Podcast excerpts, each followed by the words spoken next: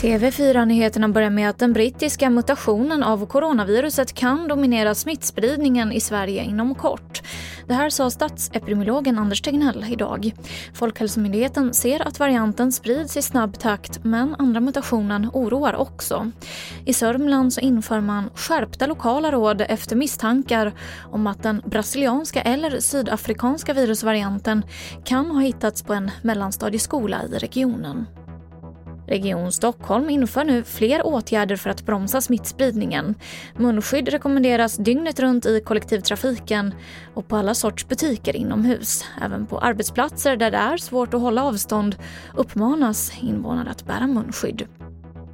I morse så satte årets bokrea igång. Trots att rekordmånga gjort förhandsbeställningar i år så sökte sig en hel del till butikerna för att fynda.